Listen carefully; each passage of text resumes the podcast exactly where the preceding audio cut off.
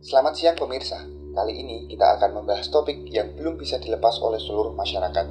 Pandemi Corona telah terjadi selama hampir lima bulan di Indonesia. Memang tak bisa dimungkiri bahwa regulasi yang kurang jelas serta tingkat kepercayaan dan pengetahuan masyarakat yang masih rendah mengakibatkan Indonesia menjadi negara yang paling parah di kawasan Asia Tenggara. Pemerintah yang selalu dianggap serba salah akhirnya mengeluarkan regulasi new normal yang singkatnya adalah bagaimana kita bisa hidup normal dalam situasi pandemik yang masih menginfeksi hampir seribu orang setiap hari di Indonesia.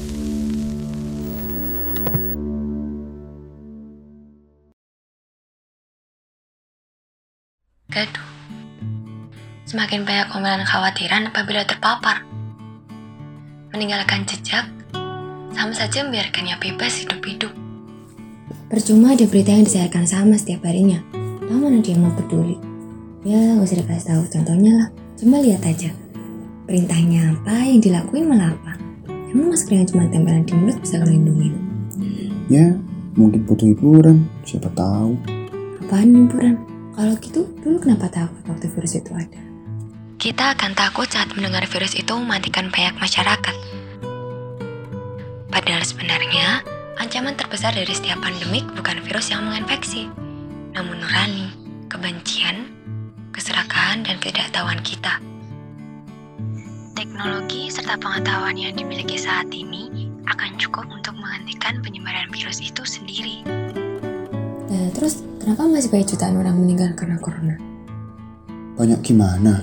Baru 500 ribu. Itu belum satu persen penduduk bumi. Nah dulu waktu wabah Black Death aja yang mati bisa 50 juta orang. Sepertiga penduduk bumi waktu itu. Emang pernah ada? Ya pernah, waktu Wali Songo datang ke Indonesia. Gimana ceritanya? Cerita Wali Songo. Ini bukan cerita Black Death lah. Jadi waktu itu sekitar abad 14, manusia tuh nggak tahu kalau ternyata ada makhluk kecil yang tak kasat mata, kayak bakteri sama virus. Lah Microsoft aja ditemuin abad 16. Ya wajar orang pada panik, dikira lagi kena azab. Lah tiap hari ada orang mati, nggak tahu sebabnya. Habis itu kalau mati tubuhnya jadi hitam. Tanpa pengetahuan, manusia cuma bisa nebak-nebak. Tanpa sains, orang juga bakal percaya sama pencerita ulung, ahli nujum, sama dukun. Hmm, jadi begitu. Apa dengan kau mengira air yang kau tahu, lantas kau hanya beruang panjang? Sebab racun ada penawarnya. Pula dengan masalah punya solusinya. Emang pas mikroskop udah ditemuin, udah nggak ada wabah mengerikan lagi?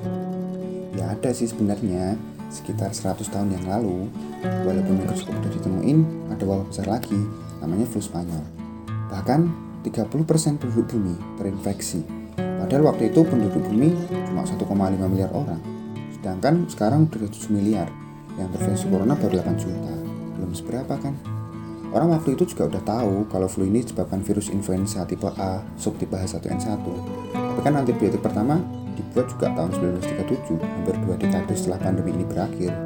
Juga pengetahuan manusia tentang materi genetik masih belum seberapa. Tapi kan teknologi sekarang udah maju pesat banget. Harusnya buat vaksin juga lebih cepat dong. Makanya kalau lihat sesuatu itu jangan dari satu sudut pandang aja. Emang sih teknologi kita semakin maju, tapi apakah kemajuan teknologi saat ini diimbangi dengan pengetahuan masyarakatnya? Dulu waktu tahun 2002 waktu maraknya SARS, sama WHO juga mengeluarkan bahaya pandemi kayak corona sekarang. Tapi respon masyarakat bakal beda karena waktu itu gak ada sosial media, gak ada Twitter, gak ada Instagram, gak ada Facebook, gak ada WA grup keluarga. Nah sekarang Pak Dito aja bisa ngerasa jadi orang paling ngerti tentang corona. Habis itu ngeser-ngeser berita di WA grup keluarga lagi. Ya seenggaknya kalau beritanya bener sih nggak apa-apa. Kalau udah salah, ngegas lagi. Mau ini nih, matinya kebakaran. ya bener juga sih. Nah, terus katanya pemerintah nerapin new normal. Emang kalau udah new normal, corona bakal hilang? Ya nggak hilang juga sih. Lah kamu kalau batuk pilek itu kan penyakit yang disebabin virus. Dan lama banget kan. Nggak hilang kan sampai sekarang virusnya? Ya nggak juga sih. Emang obat corona masih lama ya? Terus kuliah aku bakal online terus gitu. Ya siapa tahu. Mau dibilang lama sih enggak. Mau dibilang cepet juga enggak. Ya biasanya sekitar 2 tahun gitu.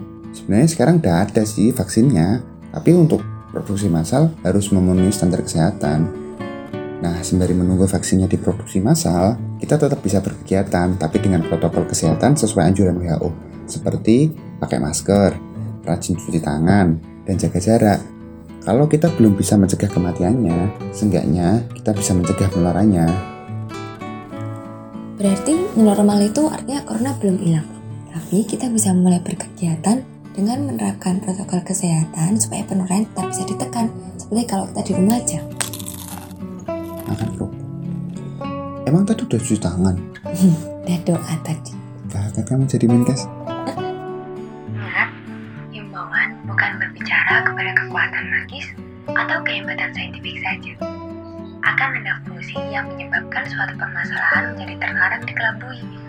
Kecuali jika ia hidup pada ketidakadanya peraturan. Maka semuanya akan kembali pada kata terserah.